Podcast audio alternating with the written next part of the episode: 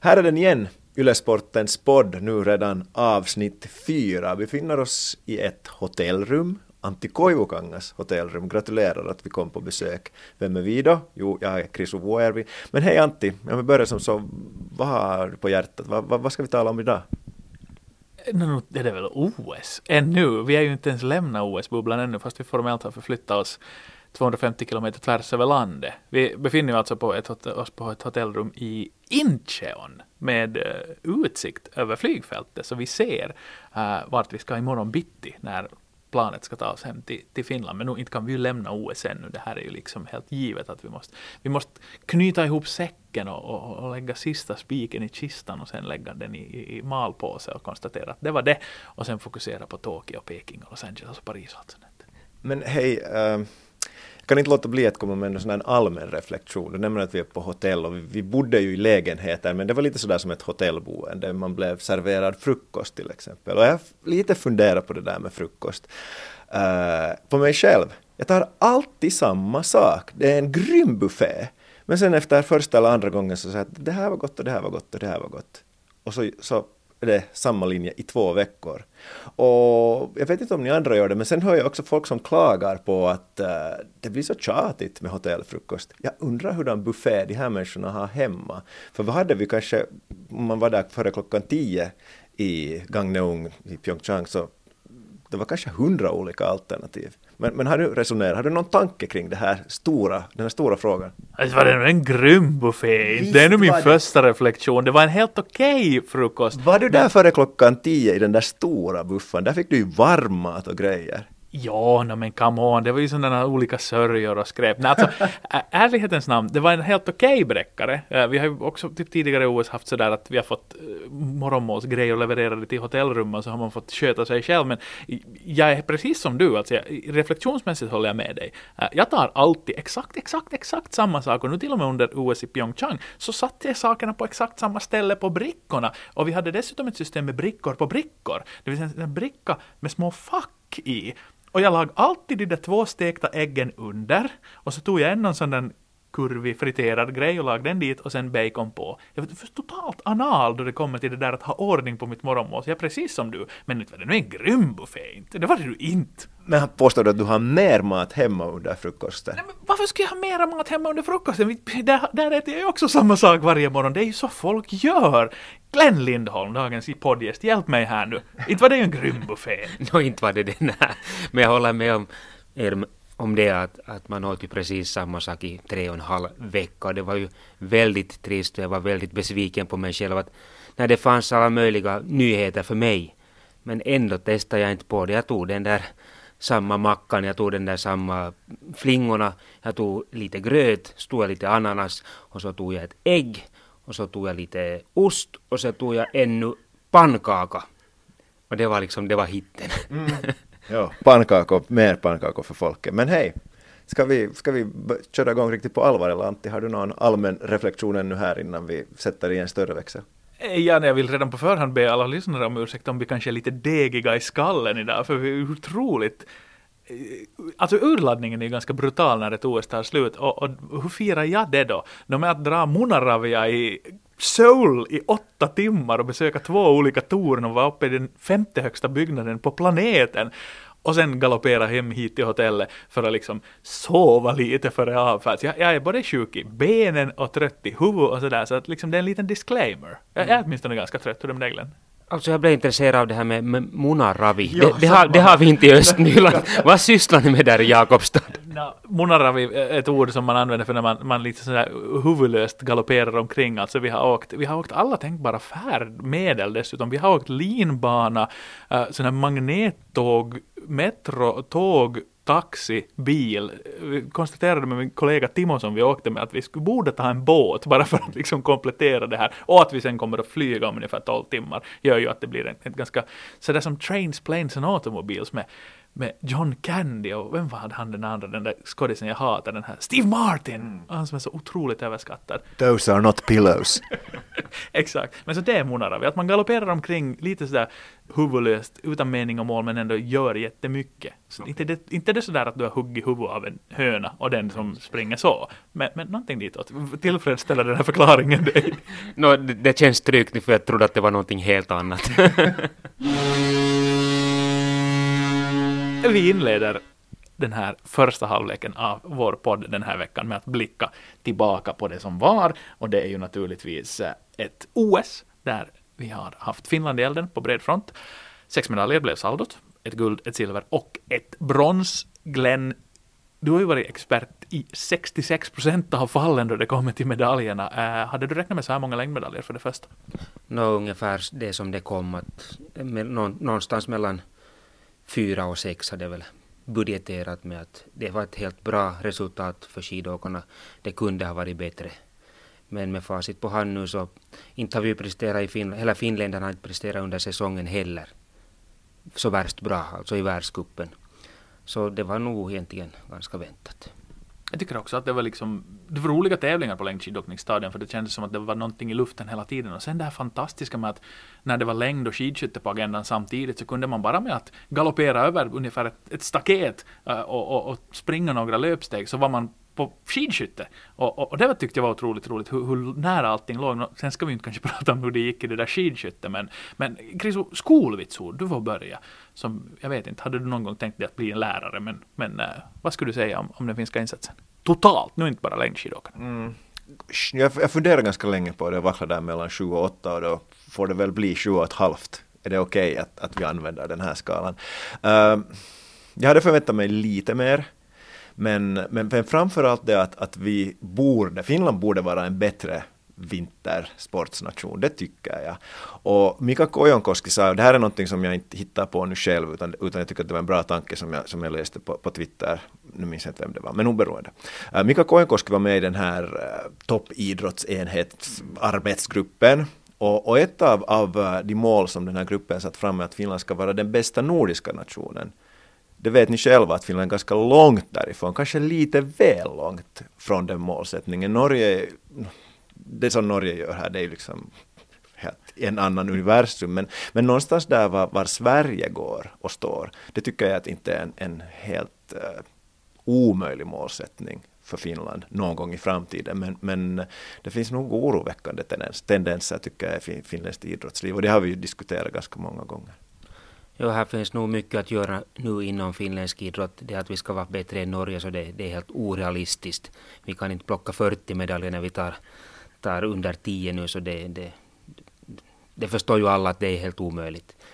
Men det, här, det behövs nog lite nytänkande nu i vår idrottsvärld i Finland, den lilla värld vi nu har där, att, för att bli bättre redan till 2020, det är 2020 som vi ska redan vara bästa nation i, i Norden, så Nej, jag tycker det här, det här håller inte system vi håller på med nu. Att vi måste nog få mera resurser dit, dit som de behövs, alltså hos idrottarna. Är inte också år 2020 som vi ska vara i topp 10 i Europa i fotboll, så mm. att det kommer att bli ganska spännande år, de här två sista slutspurtsåren här nu då. Äh, jag, före jag låter dig Glenn sätta någon form av vitsord på helheten så kommer jag själv att klämma in en, en oh, åtta och ett halvt. Det, det, får, en, en, det skruvades upp lite på avslutningsceremonin. Oj, otroligt svårslaget det där att, att man tänker på otroligt många människor som ser på när Ivo Niskanen får sitt guld och när Krista Permakoski får sitt silver. Och så sjukt roligt att det liksom, det, det höjde på det för att, menar, längs med veckan så fanns det ju, jag menar lejonen. Uh, vi skulle ju ha behövt vara där under helgen, herrarna. Damerna tar en mm. efterlängtad och en viktig medalj, det är kul. Uh, alpint finns vi inte i överhuvudtaget, fast vi hade representanter. Uh, snowboard, floppa med undantag för en kvinna. Så att, att eh, det fanns mycket som drog ner det, men sen ändå en så otroligt, så otroligt fin avslutning där. Kanske det är lite färgat av att jag då alltså fick uppleva första gången en finländare vinna en tävling på ett OS. Det här på ungefär 136 dagar på OS. Alltså 136 dagar som akkrediterad journalist. Att få se det på ort och ställe. Så, så det kanske påverkar mig lite, lite väl positivt. Du såg ju nästan Glenn alla medaljer på ort och ställe. Nå, så brukar det nästan vara för skidåkarna att ta de flesta medaljerna. Ja, det är bara till tacka och ta emot. Men det här skolvitsord. Eh, jag är lite partisk kanske, för jag är alltid på idrottarnas sida. Jag vet att de har gjort sitt bästa. De har gjort sitt allt i fyra år åtminstone för att prestera här. Alla kanske inte lyckats, vissa har lyckats riktigt bra. Men det är nog nästintill en, nästan en nia tycker jag. Eller det, det är mitt skolvitsord här. Jag tycker att man har gjort ett bra försök med de resurser och de möjligheter som man har haft. Och, och de har presterat då, då på den, deras egen toppnivå här, de flesta i alla fall. Så lite blandat godis sådär eh, från Krisos, inte nu bottennotering, men, men, men du var den mest kritiska av oss till mig där mittemellan till, till, till idrottarnas man Glenn. Uh, en sak som jag gärna återkommer till fortsättningsvis eftersom vi sitter här i Incheon ännu, är de här arrangörerna och arrangemangen. Uh, han sa ju det aldrig, Thomas Bach att det skulle ha varit the best games ever. Men nu var det ju jäkla bra arrangemang, det måste jag nog fortsättningsvis säga. Från start till slut, alltså jag är nog supernöjd. Det är nog sällan det har varit så här lätt att jobba på ett OS, smidigt att jobba på ett OS och att man har liksom lämnat OS med så liksom skön feeling, bra smak i munnen av det som har varit. Så att jag, jag är nog sjuk. De får nog nio och ett halvt plus. typ, något sånt där. Alltså jag kan inte ge fulla på vitsord för jag tror att, att det finns någonstans en, en, nation på planeten som kan arrangera ett OS ännu bättre. Men, men nu var det ju, jag, jag, jag älskar att vara på, på OS i, i Pyeongchang. No, det gör jag absolut också. Det, det har varit helt fantastiskt. De människorna, människorna som finns här så de är ju, de är helt liksom, ofattbart trevliga. Det är helt liksom otroligt hur jag vet inte om det är någonting som de har lärt sig inför det här OS eller om det bara är så här att de är så här trevliga i det här landet. Men nu har det ju varit helt fantastiskt. Det här var mitt tredje OS, nu vinter-OS och, och det här var nog klart det bästa och det enklaste framför allt. Att det var så smidigt att komma från ett ställe till ett annat och, och liksom allting fungerade. Eh, det fanns liksom, jag minns inte ett enda problem som jag skulle ha haft under tre och en halv vecka här. Det känns bra. Inte ens med vallningen med de egna skidorna? Nej men det är ju, det, det, nu Antti, det är på det här viset. Ju sämre du vallar så desto bättre träning får du. Och jag har fått riktigt bra träning. Härligt, för det där har jag alltid tänkt. Vet du Glenn, att jag har skidat med ovallade skidor hela vintern fram till att vi åkte hit. Och det har varit fantastiskt bra. Jag har alltså rensat dem i fjol våras. Och jag har inte gjort någonting åt dem. Och det är den bästa träningen jag vet, att stacka iväg med dem. Vi ska ta det där med, med termer sen senare. Att rensa skidor, det, det finns inte. Och jag skrattar, men här kommer sura gubben. Nej, det har varit för oss, för journalister, så arbetsmässigt, logistiskt ett alldeles lysande OS. Men, men, för mig handlar OS också om, för att få den där perfekta upplevelsen, så tänker jag kanske lite också på, på hur det har varit för de som har kommit besökt som publik. Publiken kunde ha varit större, publikmängden, framförallt i ishockey, men jag tyckte nog också att det fanns många lediga stolar och platser på skidåkning. Och expertisen och den här grenkunskapen så den lyste nog också med sin frånvaro på många håll. Och, och, där gör jag kanske då jämförelser med London, Vancouver framförallt som är mina toppupplevelser på plats som, som, journalist, för, för där liksom genomsyrades jag av grenkunskap och, och glädje och stora folkmassor. Och därför är de här två olympiska spelen på min personliga ranking högre upp än, än, än Pyeongchang tävlingarna i nordisk kombination till exempel, där var det nog tidvis på skidstadion sådär att hoho! eller, eller hur upplevde du det? Du har ju ändå varit på Holmenkollen Härkas och upplevt liksom sådana tävlingar. Lahtis VM i fjol, jag menar, nu var det ju lite tamt. Nu har Kryso kanske lite rätt ibland. No, nu har ju Kryso helt rätt att, att inte var det liksom någon stämning på någon på någon idrottsplats här, vad jag nu märkte i alla fall. Det bästa kanske var då på, på damernas konståkning, när faktiskt hallen var helt full. Och så var det också bra stämning i, i hastighetsåkning på skridsko där då Korea hade bra representanter. Att vissa, vissa grenar där var det liksom mera stämning och andra var det inte alls och kanske nordisk kombination. Där var det nog ganska bottennapp. Ja, det var ju det här med grenkännedomen att den var inte helt på topp, men här måste vi nog kryssa och outa oss också. Du och jag, då vi satt och såg på den här Oh. Den här massstarten i lag, hastighetsåkning på skridskor. Sällan har två garvade Yle-sporten-journalister varit så pihalla som du och jag då vi försökte med Wikipedia klura oss fram till att varför åker de inte varför gör inte den där någonting? Det är sjukt grej. Blev vi kloka på det någonsin?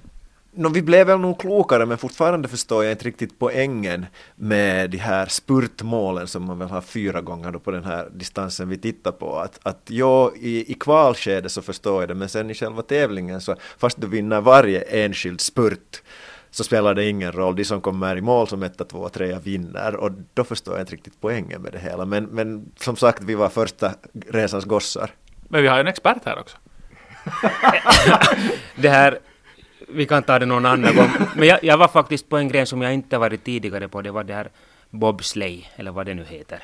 Fyra, fyra, fyra stora kotletter som sätter sig i en, i en pulka, pulka tänkte jag säga, men en, en kälke och, och tar sig ner för ett, ett berg. Så jag, jag förstår inte riktigt vad det, varför man ska göra på det där viset när man är en fullvuxen karl. Men där är ju logiken ändå klar. Liksom, åk ner och så snabbast vinner. Det är ju fullständigt logiskt. Absolut, och det blev ju spännande tävlingar.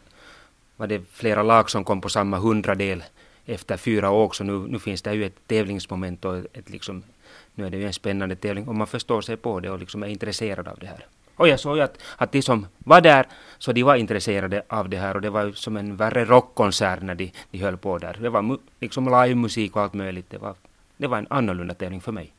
Jag fick av Vasabladet i tiderna frågan inför OS i Turin 2006 att vilken gren skulle du delta i vid vinter-OS om du skulle ha möjligheten, så måste jag ju ärligt rannsaka mig själv och konstatera att vad skulle det än finnas realistiska möjligheter? Du sa att, att jag skulle kunna vara en sån där mittenkotlett i en fyramansbob. Men man måste ju vara ganska snabb för att hinna med de övriga där, det är kanske det som är problemet sen. Jag tänkte lite i samma banor att bara jag får 40 kilo till och fyra sekunder bort på 100 meter löpning så då, då, då platsar jag kanske i Jamaicas lag. Men jag blev så nyfiken av det här, för jag har inte heller varit på den här kälkåkningen. Hur mycket hade man koll på vad som händer? Eller det är bara så där att man ser en kälka som går sådär åh! Eller?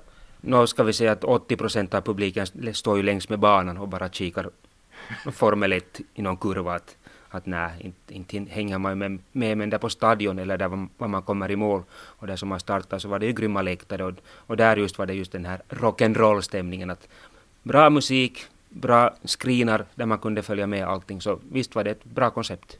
Jag var ju ett skeletonreportage under OS och träffade bland annat då äh, Nigerias första Eh, deltagare i den grenen någonsin. Och då diskuterade jag faktiskt det här, dels att, att vad kan publiken egentligen uppleva? Och, och det var liksom så att, no, de är ofta mest där för att kröka.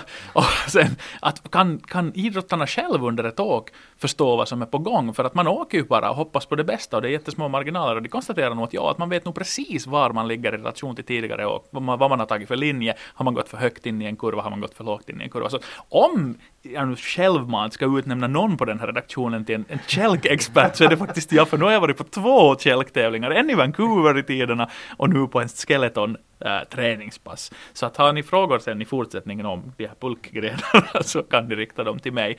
Äh, avslutningsvis ännu här i halvlek nummer ett.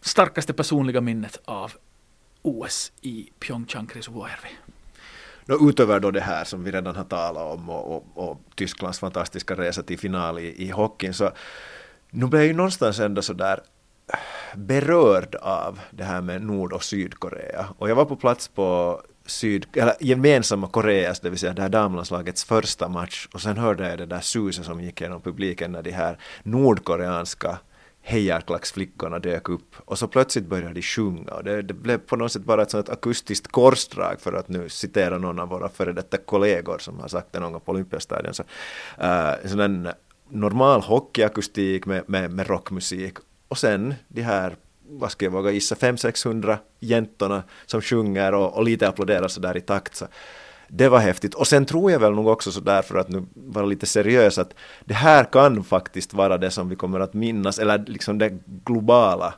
samfundet att minnas från de här spelen. Att, att potentiella närmanden mellan Nord och Sydkorea. Sen vet man inte vad, vad det leder till. Och sen förstås också Rysslands läge har ju varit makabert och, och bisarrt och allt det där. Men, men Nord och Sydkorea, och att, att jag intervjuade dem med hjälp av en tolk sydkoreaner och, och fick lite inblick i att hur de ändå sen suktar om fred. Det är lätt för oss, vi har Ryssland som, som granne, men, men vi är det tillståndet som man lever i här så är, är helt annorlunda. Så jag tyckte det var jättefascinerande. No, jag får ju stryk hemma i Sotkamo Vuokatti om jag inte svarar Ivo Niskanen och Krista Pärmäkoskis och deras prestationer här. Ändå måste jag säga att det att Ivo Niskanen vann den där femmilen här så för mig var nog guldet i Sochi i sprintstafett, det var nog liksom snäppet liksom högre och det kändes mera, då kom nog tårarna fram, nu gjorde det inte det då Ivo kom i mål där på femmilen. på något sätt blev det ett, ett konstigt OS, liksom lite antiklimax trots allt. Och jag tror att det beror på det att, att det var en så väntad seger att man visste ju en vecka i förväg att han kommer att vinna det här bombsäkert. Och, han, och det är kanske det som är det stora, att han kom och faktiskt gjorde det. Mm. Och det var liksom en, en helt, han var ju helt överlägsen egentligen. Ja, nu är det ju någonting majestätiskt också över favoriter som pallar för trycket. Jag var på plats på den här uh, sprintfinaldagen och på det sättet som Klevo vann det. Mm. Så nu är det ju någonting mäktigt också att, att hur man ser en idrottare som är i en klass för sig, bara, bara pulverisera motstånd.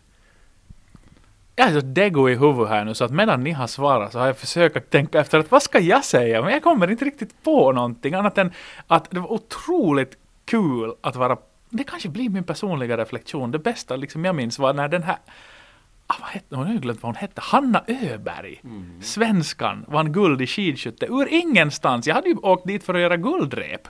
Och nu fick jag ju göra ett guldrep med svenska intervjuer dessutom, men med helt fel människa.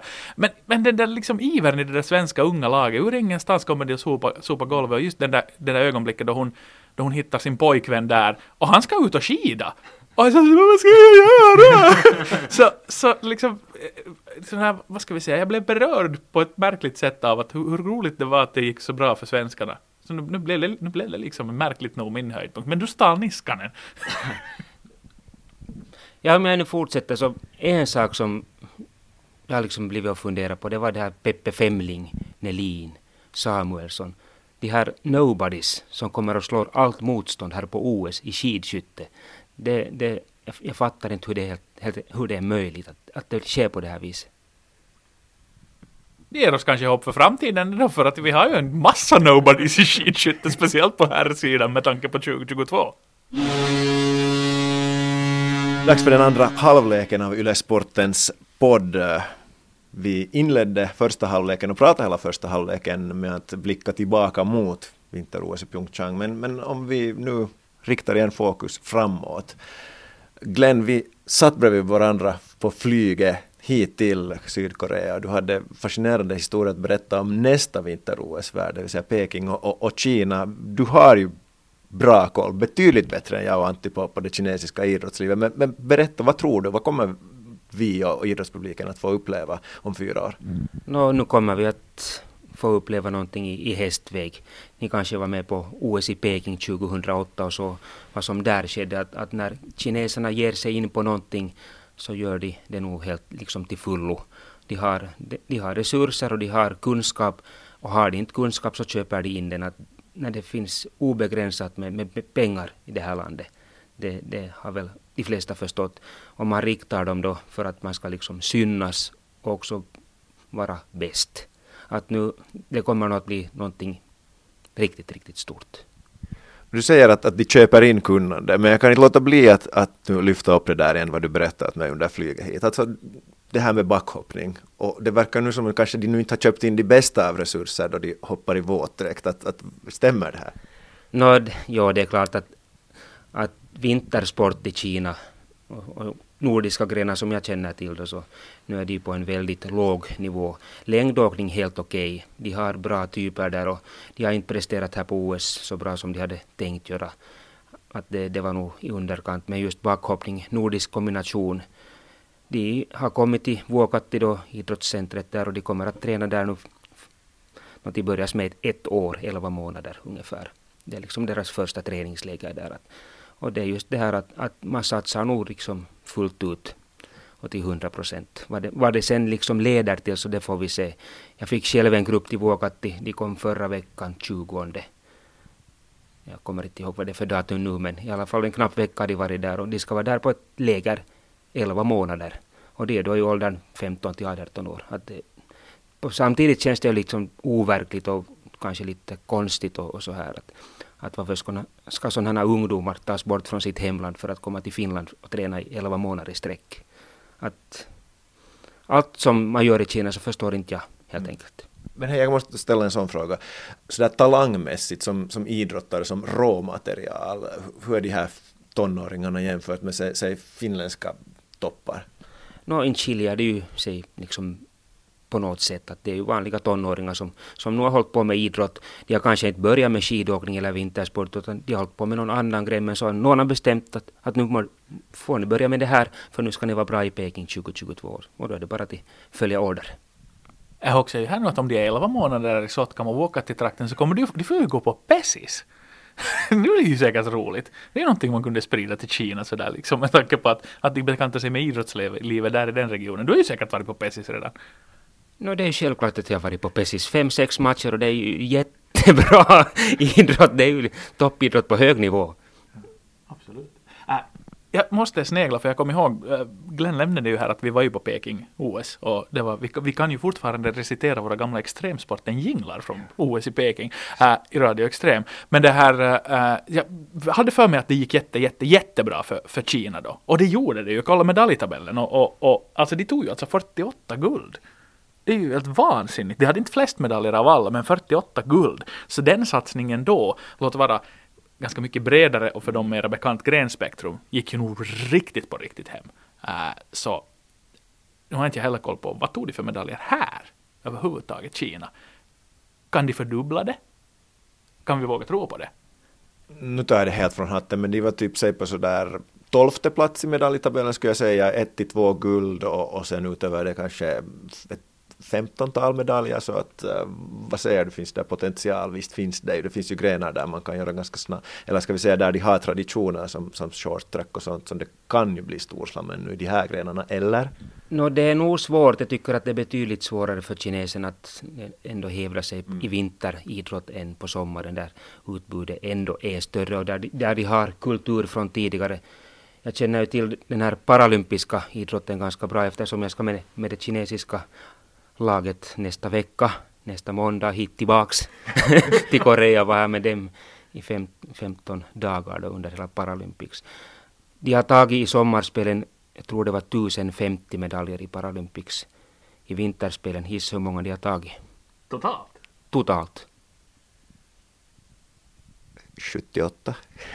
Uh, uh, 92 det var inte riktigt nära. Det är noll. Så de har, de har en, en målsättning nu att, att ta rejält mera än tidigare. och mitt minne spelar igen ett spratt. Är det rätta svaret hur många medaljer tog Kina i Pyeongchang? Ett guld, sex silver och två brons. Men hej, en, en sista grej om, om vad som komma skall.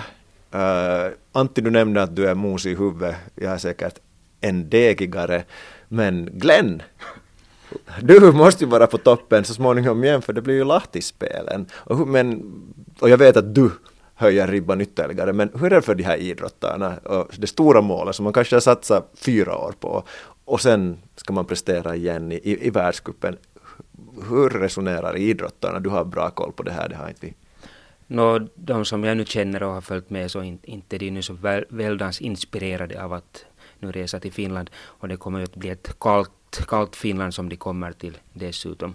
Att nu är det ju ett, speciellt när det är ett OS-år och det, man har satsat på det så pass länge så nu är det lite sådär att lite överlopps.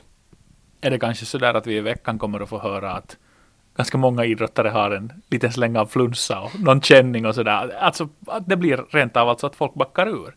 No, det är helt verkligt att, att när man kommer från de här förhållandena här som har varit här har varit väldigt torrt, luftfuktigheten kring 20 procent, när vi då i Skandinavien har typ 80 procent. Att redan det gör ju att kroppen, kroppen reagerar och dessutom den här urladdningen här har ju varit grym för idrottarna. Och nu när de slappnar av så, så blir man ganska, ganska lätt faktiskt också sjuk. Att det, det är nog helt verkligt det här problemet. Men nu tror jag att, att vi kommer kanske att hitta, eller se nya segrare, eller andra sådana i Lahti än vad vi gjorde här. Att till exempel en Heidi Weng i skidåkning som inte alls har klarat sig här. Hon leder världscupen stort och jag tror att hon kommer att prestera bra nu igen, igen i, i Lahtis när det blir nya förhållanden. Men vad häftigt för hemmapubliken att få se Ivo och Krista det där på, på närhåll. Fast i och för sig, det är ju nog lite bortskämda. Det var ju VM där i fjol. Ja. I den tredje halvleken så har vi som vanligt på agendan eh, kluriga frågor som eh, podddeltagarna ställer till varandra. Gästas vad klockan börjar vara mycket. Det har ni blivit mörkt här i Incheon nu också. Så det här, vi ska wrap this up småningom så att vi kommer i säng för att vi ska flyga hem. Uh, Ja, får jag börja? För vi var inne på det här med att flyga. Eh, vi har ett tio timmars flyg att se fram emot imorgon. Ni har läst, ni är ju väldigt belästa råkar jag ju veta båda två. Eh, Buster. ja, det är litteratur. Om ni skulle måste läsa en bok på nytt nu på flyget. En bok ni har läst är ni tvungna att återuppta och läsa en gång till. Vilken bok skulle ni ta då, Glenn? Mitt minne av böcker så det är inte riktigt bra. Det är samma som mitt minne och, och filmer. Jag kommer aldrig ihåg vad jag har sett och vad jag inte har sett. Men böcker som har gjort intryck på mig är, är, två cykelböcker. En med Lance Armstrong och en annan med Tyler Hamilton. Att någon del av dem skulle jag nog läsa för jag tycker att det är så intressant med den här cykelvärlden som ändå lite tangerar den idrott som jag kanske känner till allra bäst, längdåkningen. Att uthållighetsidrott skulle det handla om. Jag tänkte du skulle säga att den idrott som jag känner mest till, den här fyramansbobben, men det var inte riktigt den. Jag minns kanske för 17-18 år sedan så läste jag, kan till och med vara längre, så 20 år sedan, Nick Hornbys High Fidelity om en man som, som har äh, knepigt med, med förhållande, men framförallt om hans kärlek till, till popmusik. Och jag älskar den boken då. Och den var väldigt lättläst och jag tror att den skulle vara bra som en lektyr för eh, ett flyg. Men, och jag är också fascinerad eller intresserad att veta att håller den för tidens stand? Har jag utvecklats? Tycker jag att den är lite naiv nu? Så därför ska jag välja den. Innan jag själv svarar på den frågan, uh, gillar du filmatiseringen? Uh, inte alls lika mycket som boken. Boken är ju suverän. Filmen får två stjärnor av fem. Bra. Uh, jag skulle själv ta upp Jan Guillous Brobyggarna, den första delen. En lysande, lysande, lysande familjekrönika som blev så otroligt dålig mot slutet. Den började så otroligt bra med de här bröderna Lauritsen och tuffa förhållanden uppe i Norge och i Tyskland och i Afrika, i kolonialvärlden där. Och så blev det, tog det av sig, kom det av sig lite, dandyn var sådär halvdan och sen bara liksom rann det ut i sanden. Jag har inte ens läst den sista delen. Men jag skulle vilja återuppleva det där som jag åter, liksom upplevde i Brobyggarna, då det var nytt och fräscht och det var tidigt 1900-tal. Fantastiskt berättande. Så för mig skulle det vara den. Mm, bland det mest fascinerande jag har läst under de här gångna två veckorna lite drygt var, var Glenns kolumn om hur uh, den fria skidtekniken, skate-tekniken då kom till, till skidvärlden och till Finland och, och jag skidade ju själv då och var bör sägas väldigt dålig. Men, men jag minns hur vi på våra Peltonens då försökte oss på det här med skating och, och, och så vidare. Så utan att ge mitt svar så är jag nyfiken att höra av er. Föredrar ni, och ni får tolka det hur ni, hur ni själva vill, föredrar ni skate, friteknik eller klassisk? No, för mig under hela min aktiva karriär för länge sedan så var det nog helt klart skate som gällde. Det var, det var jag betydligt bättre på också. Men nu när man har blivit, eller kommit i åren, så det här, den där klassiska åkningen känns allt mer trygg för mig och jag tycker att då när man får åka ut, det, liksom, det finns snö, det finns bra förhållanden, långbackar, långmotorn att, att dra på i, så det blir nog klassiskt. Jag kan berätta för er att, att icke namngivna källor inom Yllesportens redaktion med en viss fäbless för skidsport har sagt att Glenn Lindholms skidteknik när det kom till skate var det närmaste perfektion man kan komma. Utan att nämna några namn. nu blir jag intresserad. Hur som helst, personligen så skidar jag väldigt mycket, jag skidar bara klassiskt. Uh, men det är någonting med ett ryck i ett motlut i skate som gör ett intryck på mig som gör att jag, jag tycker att den är tuffare. Samtidigt den här löpstilen som Kläbo inför det här nu i, i OS är nog fascinerande. Man kan också rycka klassiskt men 60-40 skate.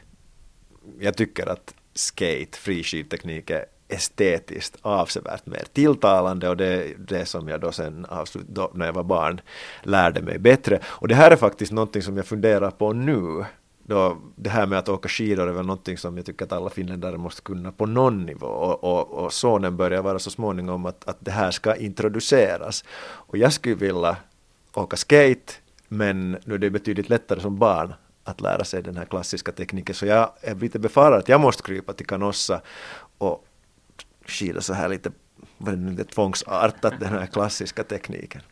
Du får anlita Glenn Lindholm som skatekonsult åt Morris. Ja. Det är ett bra alternativ, men jag antar väl att dina barn också har inlett med klassiskt och någon gång så riktigt. Nå, vi riktigt är seriösa här så det är nog betydligt enklare att börja med den klassiska tekniken om man bara har någorlunda bra utrustning också, att det kräver lite mer att, att få de där laggarna att fästa och glida på rätt sätt. Ja, hur var det man skulle rensa de där skidorna? Ja, ja, ja, ja, ja. Glenn Lindholm, du har väl kanske också en fråga här. Du har fått fundera nu ungefär 30, vad det nu är, minuter här. Så du får ställa oss mot väggen avslutningsvis. Du får till och med hålla i mikrofonen. Oj, tack så mycket. Det här var ovant. Men jag tror jag klarar det. det här, jag har själv hemlängtan. Den kom först nu, idag. Och jag vill komma hem så fort som möjligt. Men ännu är det typ 24 timmar innan, innan vi öppnar dörren där hemma. Och det tänkte jag fråga att, att vad är det första ni, ni gör då ni kommer öppnar ytterdörren där hemma och kommer in och, och kanske ser någon ni möter där och sådär. att Vad är det första ni kommer att göra då? Jag kommer nog...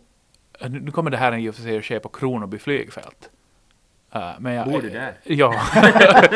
Alla, alla vägar i Österbotten leder till Kronoby flygfält. Men, men jag, jag kommer nog... Jag, kom, jag vet inte när jag kommer att sluta krama mina söner. Det är nog någonting som vi har pratat om med pojkarna till och med. Så att det, det, är liksom, det är där jag börjar och, jag tror min sambo förstår det där. Att hon, hon hon kommer nog få sin kram hon sen också. Men att det här... Vi har varit tillsammans så pass länge så att jag tror att för, för Niko och Noah så är det nog liksom bara en, en, björnkram, en skäggig björnkram dessutom. För ni har inte sagt någonting än om min kissaparta. Vi har talat om Munaravi redan, men nu, några ord om min kissaparta. Kom igen nu. Play of skägget så får vitsordet Minns du Glenn, när vi, eh, hade du någonsin Rolf Schön som, som lärare i, vad det nu sen hette, sådär metallslöjd hette det visst då i Lovisa, så han hade en sån här konstig vitsordsskala att man kunde få nio och så kunde han ge sådär ett litet plus, eller han kunde ge nio halvt och ett litet minus. Och så brukar jag påpeka att det är samma som nio plus. Att, nej, det här är inte alls samma sak. Så kanske kör i den stilen och säger att du får nio och ett litet minus. Jag tycker nog också att det, det, för varje dag som jag har sett det så har jag funderat när, när tusan ska du raka bort det där. Men det här, det blir bättre för varje dag faktiskt. Det, det börjar, nu börjar det liksom ta sig. det tog några veckor men nu är det, nu är det helt okej. Att det, det är ju synd om du ska ta bort det. Det är lite det. Det är lite det. Men Krisu, då du kommer hem. No, men, inte finns det så hemskt mycket att tillägga. Alltså, nu är det ju bara det att i och med att jag har två söner varav den, den yngre är, är så pass liten att de inte kan komma och möta mig så, så in genom dörren och så är det nog kramkalas och jag hoppas nog att man kan involvera alla så mycket som möjligt. Och jag själv tror nog att jag tar mig förstås hem först och in genom, in, alltså inte genom dörren, men jag, jag öppnar dörren och sen går jag in. Men jag tror att vi kommer ut ganska snabbt tillbaks igen eftersom barnen är ganska rörliga av sig och de gärna håller till det på, på skridskoplanen och spelar, spelar sin lätka. Att jag tror att jag hamnar dit, eller hamnar och hamnar, jag får delta i deras ishockeyspel där på, på, i lätkarinken.